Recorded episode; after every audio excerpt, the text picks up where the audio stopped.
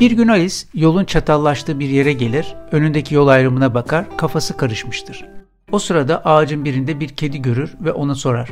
Hangi yoldan gideceğim? Nereye gitmek istiyorsun diye sorar kedi. Bilmiyorum der Alice. Öyleyse der kedi hangi yoldan gideceğini de fark etmez. Merhaba ben Mete. Yol Yolcu Yolculuk adlı podcast'ime hoş geldiniz. Bunca alternatif içinde buraya kulak kabarttığınız için çok teşekkürler. Burada en kısa tanımıyla kendine ve yoluna inanan, inandığını başaran, konfor alanlarını terk etme cesaretini gösteren insanların hikayelerini dinleyeceksiniz. Eminim kendinizden de bir şeyler bulacaksınız bu hikayelerde. Keyifli dinlemeler.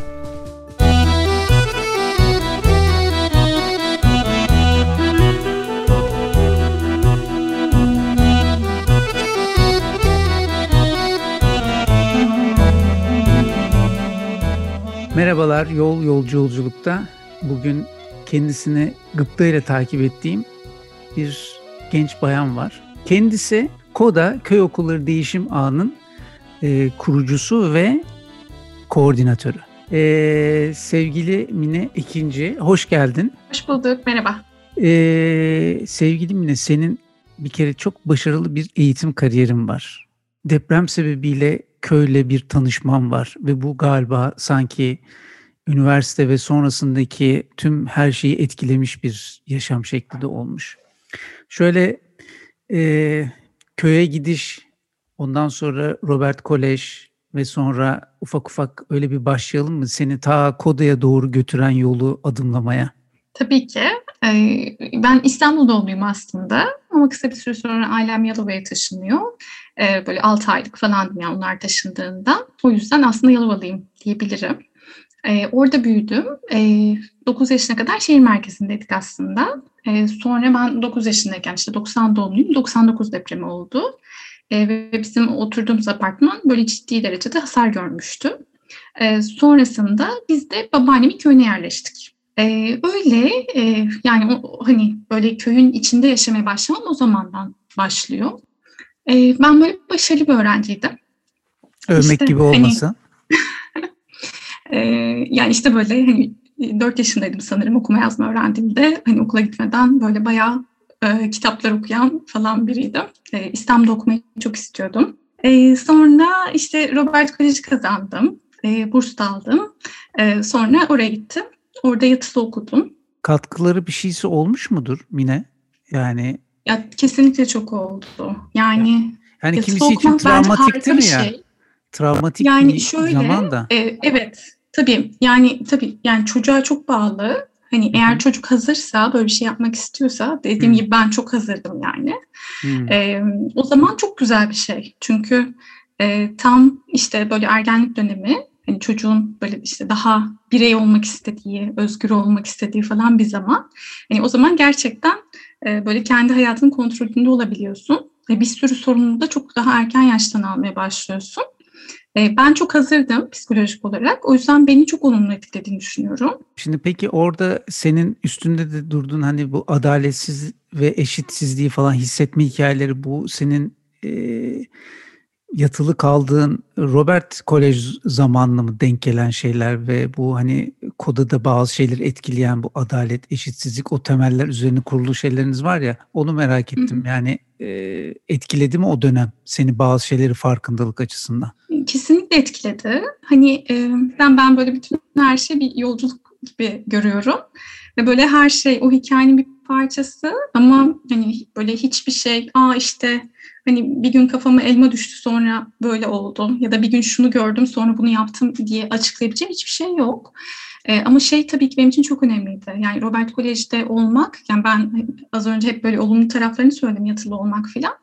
Ama bir yandan çok acayip bir deneyimdi. Yani işte hani böyle 13 yaşında hani böyle farklı bir ilden, farklı bir işte sosyoekonomik altyapıdan gelen biri olarak hani böyle Robert Kolej'in o süper elit e, ortamında olmak e, çok böyle hani gerçekten insanı sudan çıkmış balığa döndüren e, çok farklı bir deneyimdi. Kaybolabilir e, insan. Bak sen kaybolmamışsın evet. o çok önemli bir şey. Evet yani hani böyle ilk hazırlık sınıfımın çok zor geçtiğini hatırlıyorum. İngilizce bilmiyor olmakla da çok alakası var. Çünkü hani ben çok hani çat pat bir İngilizce biliyordum. Ee, şeyde bütün dersler İngilizce yapılıyordu Robert'te. Ee, işte ve sınıftaki öğrenciler neredeyse hepsi İngilizce biliyordu. Yani 3-4 tane İngilizce bilmeyen kişi vardı benim sınıfta. Böyle o çok zor bir durum. Hani böyle şey bir de hani hep başarılı bir öğrenci olup ondan sonra sınıfta öğretmenin ne dediğini bile anlamıyor olmak. işte böyle bir espri yapıldığında anlamıyor olmak. Hı hı. İşte bir şeyleri yanlış telaffuz etmek, sınıftakilerin sana gülmesi falan hiç böyle kolay şeyler değil o dönemde. E, o yüzden hazırlık sınıfı oldukça zor geçmişti. E, sonra da hep böyle şeyi zorladım. İşte yaz tatillerinde nasıl yurt dışına gidebilirim, nasıl İngilizce öğrenirim. Böyle onları hep kovaladım. Sonra zaten zaman içerisinde gerçekten hani öğreniyor insan. E, böyle onlar benim için de bireysel olarak zorlayıcı şeylerdi.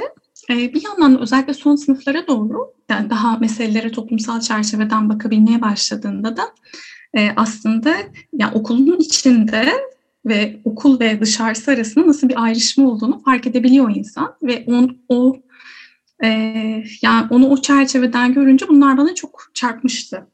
Yani o, o şaşkınlığı e, ve ya evet hani benim işte daha sosyolojiye dair öğrendiğim şeyler aslında buraya nasıl oturuyor görmek, aslında bunu birebir deneyimlediğimi fark etmek benim için ilginç olmuştur. Şey yapalım mı ufak ufak senin hani yolculuk fiziki yolculuklarında senin açından ne kadar önemli olduğundan daha önce bahsetmiştin. Bir de şöyle güzel bir şey yapmışsın. Ee, üniversiteyi kazandığın zaman mı bir ara vermiştin ve seyahat Fransa tecrübesi o araydı galiba Hı-hı. değil mi? Yani pek evet. olduğumuz bir şey değildir bu genelde insanlar haldır haldır okulu bitirip haldır haldır iş peşinde koşarlar falan. Senin araya sıkıştırdığın çok güzel bir Fransa tecrüben var. Öyle devam edelim. Hı hı. Hani e, okulları bitiriyoruz, yani liseyi bitiriyoruz, üniversite başlıyoruz, üniversiteyi bitiriyoruz, yüksek lisans yapalım. İşte onu bitirince iyi bir işe girelim, sonra hemen evlenelim, sonra çocuk yapalım falan gibi böyle bir sanki insanın önünde zaten hayatı e, çizili gibi böyle bir his e, gelmişti ve bu his bana çok boğucu gelmişti. O ee, böyle buradan Hepimizde evet. varmış yani. Aramızda seninle ciddi bir yaş farkı var ama o hep tepemizde hep Demokras'in kılıcı gibi öyle bir hikaye hep asılı durdu yani. Evet. Ya o, o bana kötü geldi o dönem ve böyle e, biraz daha gerçekten hayatın ne olduğunu anlamak istedim. Ve bunu böyle öğrencilik dışında deneyimlemek istedim. E, o duygum çok kuvvetliydi. Sonra e, dediğim gibi böyle işte sivil toplumda da bir şekilde bir yerlerde olduğum için, bir şeyler yaptığım için e, Avrupa Gönüllü Hizmeti Programı'ndan haberdardım. E, ve o programla e, yurt dışına gidip gönüllülük yapabileceğimi düşündüm. E, sonra üniversite sınavlarına girdim. E, zaten hep siyaset okumak istiyordum. Boğaziçi Üniversitesi Siyaset Bilimi ve Uluslararası İlişkiler bölümünü kazandım. E, sonra kaydımı dondurdum. Avrupa Gönül Hizmeti ile Fransa'ya gittim. Bravo. E, Fransa'da Limoges diye bir yani Limoges böyle en küçük yerlerinden biri Fransa'nın en küçük kentlerinden biri. Porselenci ee, değil mi Limoges? Evet. evet porselenci olan. Porselenleri ve inekleriyle ünlü. Meşhur. Fransız kenti. ben de zaten orada böyle dağ başında bir yerde kaldım yani. Hani herhangi bir yer olabilir aslında Fransa yani. hani dünyanın herhangi bir yeri olabilirdi gerçekten. Orada engellere yönelik bir eğitim merkezinde çalıştım. Ee, böyle e, az biraz Fransızcam vardı. Ee, oldukça zorlayıcı bir deneyimdi bu arada. Çünkü işte böyle ormanın içinde, dağ başında, hani hiç dışarı bile çıkamadığım bir yerde e, çok karışık e, böyle engelli gruplarının, yaş gruplarının olduğu bir merkezde. Orada hem yurtta beraber kalıyorduk. Yani bütün bütün hayatım o orada geçiyordu. E, ve şeydi yani o da mesela benim için engellilerin yani bu toplumun dışına itilmenin nasıl bir şey olduğunu e, deneyimlemek açısından o da böyle hakikaten çok farklı bir deneyimdi. Evet yani, yani çünkü hem... işte şizofreni de vardı, alkol işte alkol bağımlısı olanı da vardı, işte tekerlekli sandalye kullananı da vardı, körü sağrı da vardı. Vay vay vay. Ee, ve aslında hepsinin ortak noktası o izole edilmişlik hissi. O Hı-hı. eski ve bunlar hep genelde şeydi. E, sonradan böyle bir e, sakatlık geçirmiş, sonradan hani başına bir şey gelmiş ve o yüzden yeni bir meslek öğrenen insanlardı. E, ve böyle hepsi için psikolojik olarak çok zor bir süreçti. E, öyle, onlarla o süreci yaşamak da benim için inanılmaz deneyimdi. E, bu arada ama orada durmuyorsun. Gene e, fırsatları kovalayıp ufak ufak Fransa içi işte e, Fas'a mı gitmiştin? Böyle seyahatler yani kendini zenginleştirecek e, bazı şeylerin de peşinde o yol yol hikayeleri, yolculuk hikayelerini biriktirmeye devam etmişsin. Hı hı. Ya benim gerçekten çok arayışta olduğum bir dönemdi. Dediğim gibi işte e, zorlayıcı bir iş. Yani bu arada iş olarak hiçbir şey yapmıyordum. Yani normalde oranın kütüphanesinden sorumluydum. E, ama kimse kitap okumuyordu zaten merkezde. İnsanlar sadece benimle konuşmaya geliyordu. Ben kitap sadece okuyacak kitap halleri mi kalmış yahu? ya böyle gerçek yani o tövbe, da zaten tövbe. İş yapmaya çok alışkın biri olarak o da beni çok zorlayan bir durum olmuştu. Sonra baktım yani burada çok da yapabileceğim bir şey yok. Hani ben nasıl yapabilirim, nasıl vakit geçirebilirim? İşte böyle cuma günlerim boştu, cuma günleri çalışmıyordum. Böyle önce ufak Fransa için de kendim seyahatler etmeye başladım. Ama bu arada çok az param var. Hani böyle Türkiye'den para biriktirip gitmişim, böyle çalışıp gittim. Orada da birazcık işte böyle bir e, cep harçlığı gibi para veriyorlar. Ee, işte böyle ucuz tren biletlerini kovaladım önce. Onlarla seyahat etmeye başladım. Sonra işte bu kova, kova türaj işte para, e, araba paylaşımı öğrendim. Sonra onunla gezmeye başladım. Bu arada insanların evlerinde kalmayı öğrendim. Couchsurfing'i keşfettim. O şekilde başkalarının evlerinde kalmaya başladım. Sonra otostop da yapabildiğimi falan fark ettim ve böyle benim bu sefer bütün e, seyahat olanaklarım çok artmış oldu. Her yere gidebilir oldum bir anda. Şimdi senin tabii eğitim, yani iyi bir öğrencisin. Eğitim bursunu anlıyorum da asıl sende böyle ilginç bir hikaye seyahat bursu diye bir şey var. Evet, evet. İşte şeyden sonra e, bu Fransa'daki çalışma dönemim bitti. E, sonra ben Türkiye'ye döndüm, yani Türkiye'ye döndüm, üniversiteye başladım. E, ama bir yandan aklım hala seyahat etmekte. Yani ona böyle e, alışmışım, çok sevmişim ve hani o dönem böyle hayatın anlamını orada bulmuşum gibi benim için. E, sonra e, yani böyle bir şekilde internetten seyahat bursu diye bir şey gördüm yani Özlem Pansiyon diye bir e, blog vardı. O blogda e, e, şeyle Hürriyet Seyahat'le beraber, e, gazeteyle beraber böyle bir seyahat bursu veriyorlardı. E, daha önceden blog yazıları yazmış e, yani yazmış olmak gerekiyordu. Onlarla başvuru yapıyorsun. Sonra da eğer seçerlerse bu sefer sen gittiğin seyahatin blog yazılarını hazırlıyorsun ve onları yayınlıyorsun gibi böyle bir süreçti. E, ben de İsrail'e gitmiştim. E, işte oradaki seyahatlerimi yazmıştım bir blogda. Onunla başvurdum. Sonra seyahat bursu aldım. Onunla e, karadan Moğolistan'a gittim. Böyle Rusya, Kazakistan, otostop, Moğolistan. Otostop? Oto, otostop, tren. dönüşte sadece böyle bir kısa bir uçak şeyden böyle Sibirya'dan Yekaterinburg'a. öyle bir şey iki buçuk aylık dediğim gibi uzun bir seyahatti ben. Yani tabii seyyah kafalılara göre çok uzun bir süre değil ama hani standart kafadaki insanlar için iki buçuk ay seyahat epey bir zaman. Genelde de bu tür uzun seyahatlere çıkılan noktaya geri dönüldüğünde aynı insan olunmuyor haliyle. Daha farklı deneyimler, yeni tanışıklıklar, değişik bir hayat tecrübesi, problemler. Sen kendinde nasıl farklılıklar hissettin o seyahatler, uzun seyahatler sonrası? Hı hı. Ya özellikle Moğolistan'a vardığım noktada böyle gerçekten bir kırılma yaşadım. Yani onu böyle hala net hatırlıyorum. Çünkü böyle Moğolistan'a gitmeyi ben çok abartmıştım kafamda. Hı hı. Sonra yani böyle hani oraya gidince ve oradan ayrılınca yani hayat hayatın o kadar aynılıkları var ki yani insanlar aslında o kadar birbirlerine benziyorlar ki ya da hani sen nereye gidersen git evet bir yandan her yerde farklı bir karakter gibisin. Çünkü aslında var olduğun her sosyal çevrede kendini tekrar yaratıyorsun. Ama bir yandan da bazı şeyler hiç değişmiyor yani. Yüzde 95 değişmiyor muhtemelen. Böyle detaylar değişiyor. Yani o, o aynalık e, orada da böyle bana çarpan şey e, o aynalık olmuştu. Yani hani böyle hani o her şeyin bir özü olması meselesi ve onun böyle e, işte o seyahatlerle gitmekle mesafeyle değişen bir şey olmaması seni geliyor. olgunlaştırmış bir seyahat olmuş yani. Öyle anlıyorum anlattıklarından.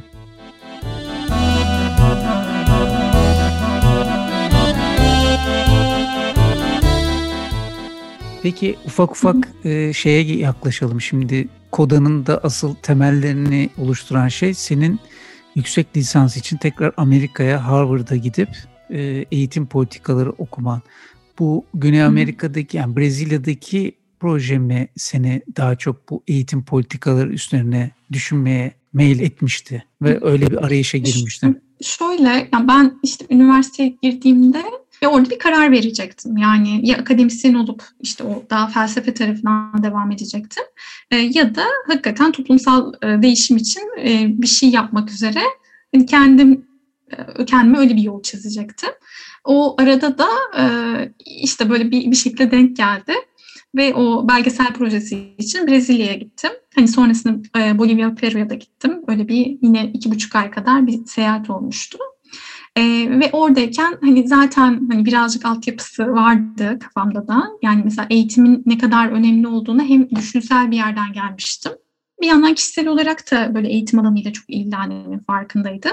E, işte böyle biraz alternatif eğitime özellikle ilgim kaymıştı. Daha işte çocuğun merkezde olduğu, çocuğun doğa içinde öğrenmesinin önemli olduğu, işte çocuğa daha bütünsel bakılan, hani çocuğun sadece akademik başarısına değil, işte sosyal duygusal gelişimine de bakılan, önem verilen böyle anlayışlar. Orada bir şekilde kafamda bir şeyler bağlanmaya başladı. Hani bu e, eğitim üzerinden bir şey yapmak. Böyle orada e, eğitime alanına yönelmeye karar verdim. Ee, sonra bir burs arama sürecim oldu. Böyle dört vakıftan burs alıp bir de okuldan burs alıp öyle toplama burslarla sonra Harvard'da yüksek lisansa gittim. Yani hep kırsalda eğitim politikaları üzerine çalıştım ya da işte kırsalda nasıl bir örnek okul olur. Gittiğimde de bütün derslerimi bu, bu konuya bağlayarak aldım. Okul aile ilişkilerinde işte kırsalda bu nasıl olur, yine bunun örnekleri neler böyle hep onlara bak, baktım. Hatta ikinci dönem eğitimde sosyal girişimcilik diye bir ders aldım. Eğitimde sosyal girişimcilik peki. E, o derste de e, köy öğretmenleri destek ağı diye bir proje yazmıştım. E, sonra işte o proje Koda'ya döndü. Yani ben zaten hani Türkiye'ye dönmeden önce e, aşağı yukarı ne yapmak istediğimi biliyordum. Yani hani Koda'yı Süper. başlatma fikri zaten vardı. O yüzden hiç Amerika'da kalayım gibi bir düşüncem olmadı. Yani böyle Onu hayranlıkla... döner dönmez Mardin'e gittim. 7-8 gün sonra işte Jackie var bu kuruluş sürecinde çok yakın çalıştığımız arkadaşım. Onunla beraber Mardin'e gidip böyle 8-9 e, günlük bir saha araştırması yaptık. Ee, sonra öyle hemen dernek kurmak mümkün olmadı. Ama böyle bir 6 ay sonra kurmuş olduk. Böyle keyifle dinledim. Çok mutlu ol, oluyorum. Böyle ki ne istediğini bilerek hareket eden insanlar çok etkiliyor beni. Yani bravo. Hani çünkü şimdi mesela düşünsene bugünün zamanında Instagram'da herkes bir yere gidip bir yerden bir şeyler çekip koyuyor ya yani. Hani öyle bir yol. Hı. Belki o Moğolistan hikayesi olmasaydı senin anlattın. Belki o yolda seni biz bir yerlerde görüyor olabilirdik. Birazcık kodoya yanaşalım. Şey yapalım. Yani bu Hı. Amerika'daki e, eğitim politikaları e, eğitiminin, e, lisansının, yüksek lisansının hı. sana faydaları neler oldu, nasıl bir ufuk açtı, bunu Türkiye'ye adapte edecek neler oldu. Ee, ama daha da önemlisi şeyi merak ediyorum. Yani Türkiye'de ciddi bir eğitim problemi var. Bunu nasıl kabul ettirip ilerlediniz, ilerliyorsunuz? Neler oluyor şu anda? Yani o sıkıntıları da merak ediyorum köyde, kırsalda. E, hep sürdürülebilir bir değişimin peşindeydim. Gerçekten daha sistemsel bir dönüşüm nasıl mümkün? Yani en son yapmak istediğim şey hani köy okullarına yardım göndermek ya da işte tek sefer bir etkinlik yapıp geri dönmekti. E, çünkü burada hani böyle daha sorunun temeline değen bir şeyler yapmak yani benim rolümün olacağını düşünüyordum. Diğer işler yanlış diye değil. Ee, işte nasıl bir sürdürülebilir değişim yaratabilir, yaratılabilir. Öğretmenin rolü çok önemli. Köy öğretmeni gerçekten büyük bir fark yaratabiliyor. Ee, bir yandan da şu da çok önemliydi. Köy okullarının gerçekten yeni bir vizyona ihtiyacı var. Biraz böyle alternatif eğitim kısmından da bahsetmiştim. Aslında köy okullarının bir sürü fırsatı da var çocuklar için gelişimsel açıdan. Yani okul mevcutlarının az olması, okulların doğa içinde olması, öğretmenin gerçekten çocuklarla bağ kurabilmesi, ailelerle e, öğretmenin yine bağ kurabiliyor olması e, ve orada işte yeni bir vizyon çizme yani o köy okulların fırsatlarını da gösterebilme. E, bu tip yani özellikle kalkınma alanında e, bu tip çalışmalarda o fırsat kısmını elde ne var kaynak kısmını görmek çok önemli. Çünkü insan onun üzerine bir şey inşa ediyor. Bu da bunların üzerine kuruldu. Yani bu vizyon meselesi köy öğretmenleri meselesi. E, köy öğretmenleri de daha sonra biraz daha genişledi. Yani şu anda biz şöyle ifade ediyoruz KODA'daki stratejimizi. e, kırsalda büyüyen çocuk ve gençlerin etrafındaki yetişkinleri güçlendirmeyi çok önemsiyoruz. Yani bu da evet başlıca öğretmen, onun dışında aileler e, ve köylerdeki yani hem köylerdeki hem uzaktaki ama özellikle köylerdeki kırsaldaki e, yetişkinlerin, gönüllü yetişkinlerin eğitim alanında bir şey yapmak isteyen yetişkinlerin güçlendirilmesi. E, bu şekilde hani çünkü e, o o yetişkinler çocukların etrafında, çocukların büyüdükleri ortamda onlar var. E, onlar e, çocuklara iyi bir e, eğitim vermeyi aslında muhtedirler farklı şekillerde. O yüzden o onları güçlendirmeyi, onların yanında olmayı çok önemsiyoruz. Bir yandan da bir e, kendimiz bir ARGE merkezi gibi de görüyoruz. E, bu anlamda da e, kırsaldaki eğitimin ihtiyaçlarına yönelik e, özel e, programlar, araçlar geliştirmek ve bu bahsettiğim yetişkinlerin ellerine onları verebilmek istiyoruz. Bu konuda çalışıyoruz. Peki kırsal kırsal sizi sahiplendi mi? Yani niye şu anda bir 5 seneniz olacak artık yani kurulalı. Ee, kırsalın size yaklaşımı Ya şöyle e, biz e, aslında e, ağırlıklı olarak yani bu son bir yıla kadar hep öğretmenlerle çalıştık. Hmm. O yüzden bizim kırsalda olan ilişkimiz de daha çok öğretmenler Öğretmen üzerine. Yani ara ara Aa. yaptığımız böyle dönemsel çocuklarla işler oldu, gönüllülerimiz gitti geldi gibi durumlar oldu. Ya da işte biz mesela hani ilk yıl falan hani ben her hafta başka bir köydeydim. O yüzden yani tabii ki böyle bireysel de ilişkilerimiz oldu. Ee, ama orada özellikle öğretmen üzerinden aslında bizim hani asıl hedeflediğimiz değişim öğretmen üzerinden e, olduğunda orada öğretmenin köylü olan ilişkisi işte bizim Koda Merkez ekibindeki gönüllülerin çalışanların ilişkisinden daha önemli ve kıymetli bence. Ve orada kesinlikle böyle çok güzel hikayeler var. Yani işte kadınlar gününü kutlayanlar, işte beraber kahvaltı yapanlar ya da bizim öğretmenlerle beraber hani dernek olarak ve festival yaptığımız zamanlar oldu. Üç kere festival yaptık. Hem Diyarbakır'da hem Urfa'da. Hani böyle öğretmenlerin sahne aldığı, çocukların sahne aldığı, bizim gönüllerimizin sahne aldığı, böyle köylerinden ilk defa çıkan kadınların olduğu böyle festivallerimiz oldu.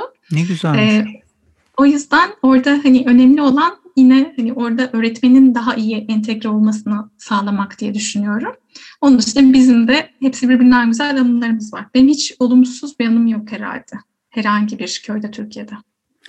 Valla Doğu çok enteresan bir coğrafya. Yani ben de nispeten geç keşfedenlerdenim ve çok üzülmüştüm. Yani keşke daha çok doğuda vakit geçirebilmiş olsaydım diye. Benim de neredeyse girdiğim çıktığım hiçbir yerde insani olarak ya illaki bilmiyorum çok zorlasam çıkar ama köylerde falan Hı-hı. yok yani. Gerçekten çok çok çok güzel bir coğrafyadayız da kıymetini bilebiliyor muyuz bilmiyorum ya. Üzülüyorum yani.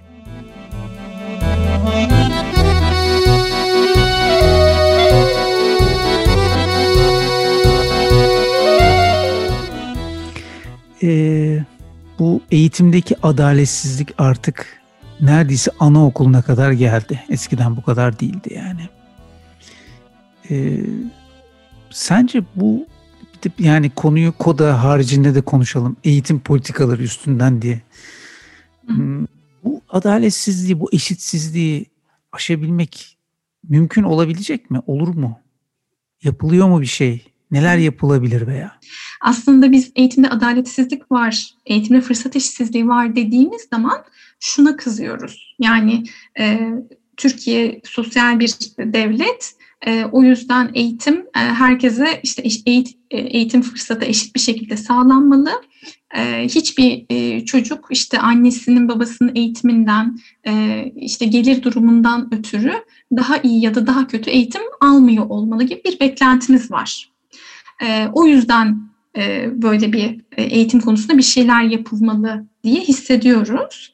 E, ama bir yandan da yani bu eğitimdeki adaletsizliğin e, hani böyle asıl geri planında yatan bir hani sosyal adaletsizlik meselesi var. Onu görmek lazım.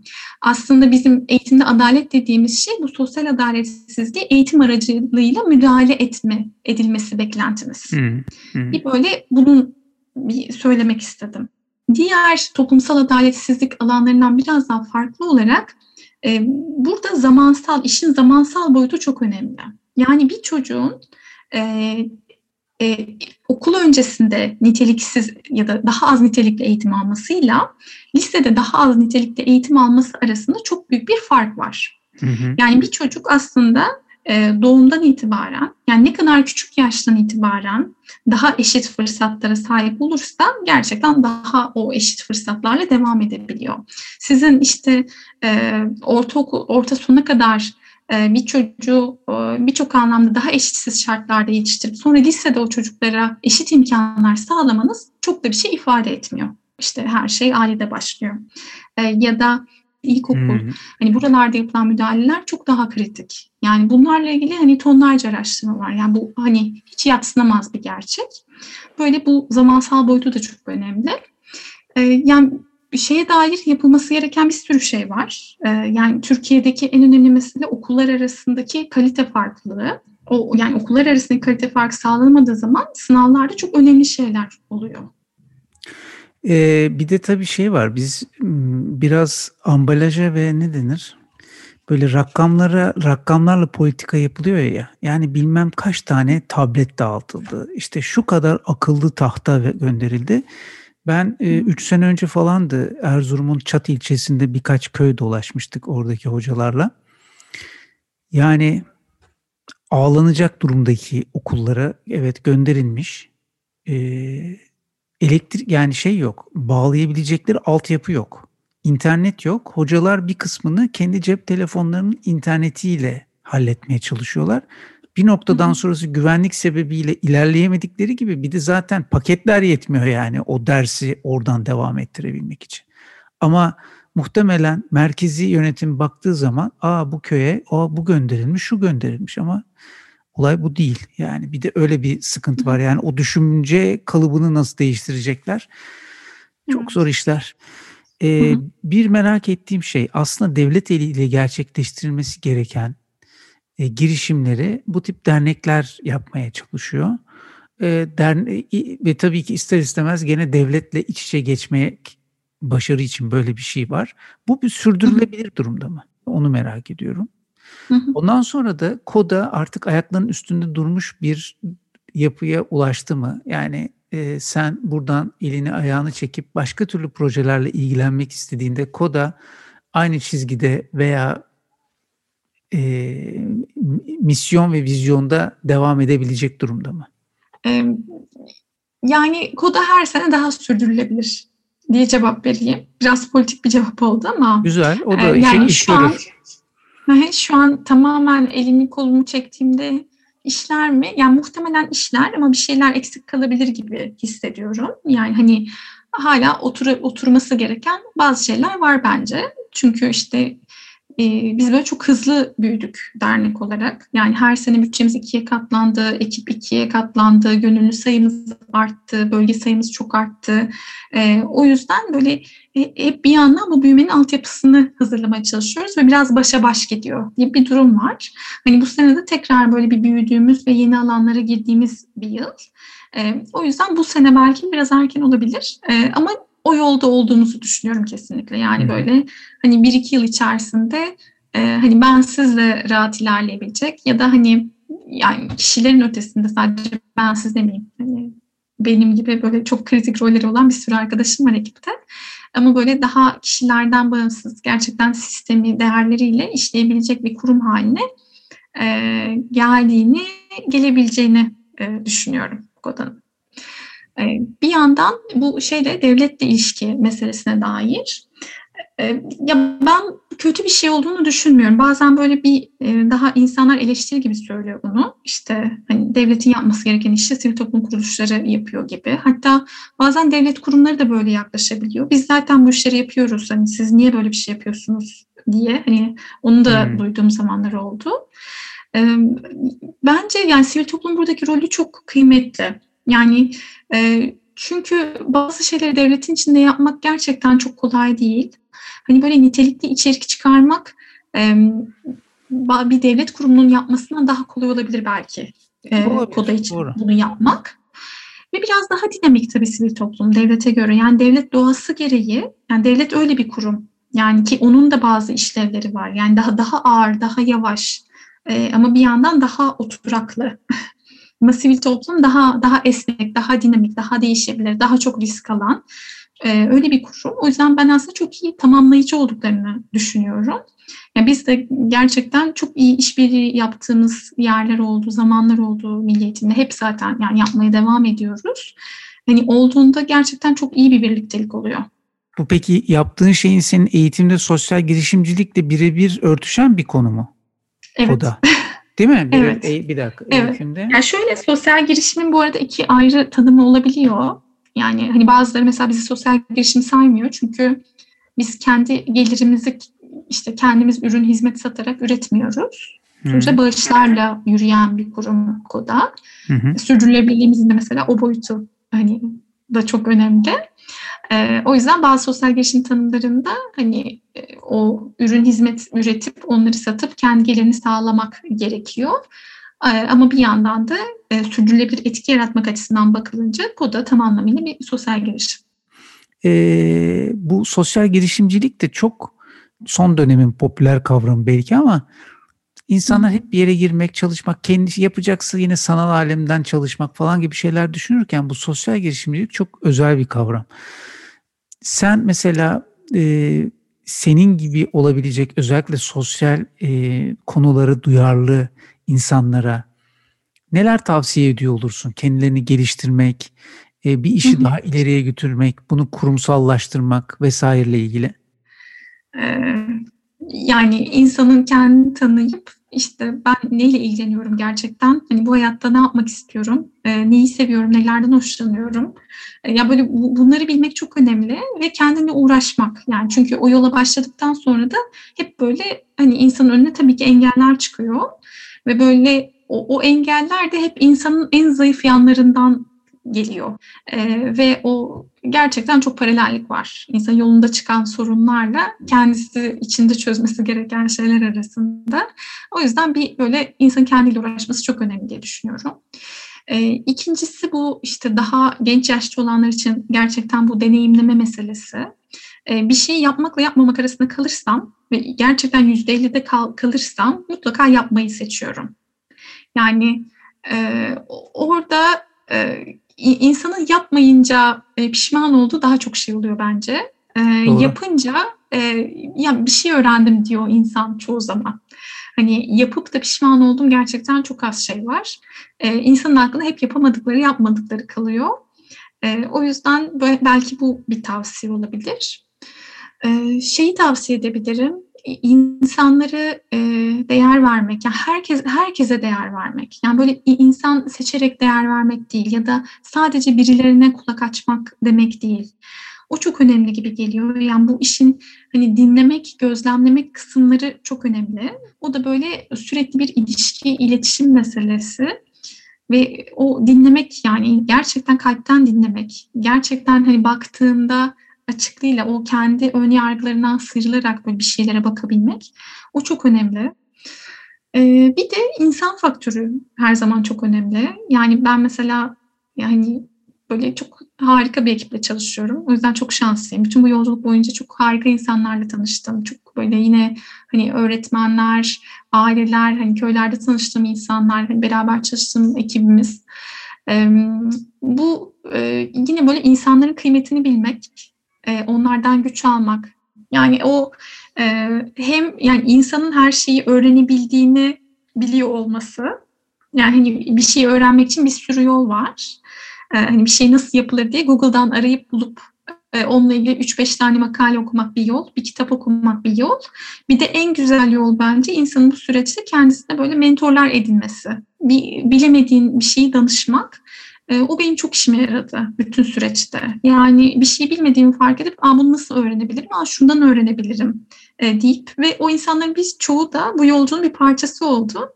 E, daha da güçlendiren bir şey oldu. O yüzden o e, sormak, öğrenmek kısmında önemli gibi geliyor. Mine valla çok güzel şeyler anlattın yine.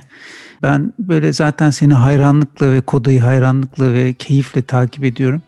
Umarım yollarınız hep açık olur ve daha güzel projelere imzalar atarsınız diyeyim. Sağ ol katıldığın Umarım. için. Çok teşekkürler davet ettiğin için.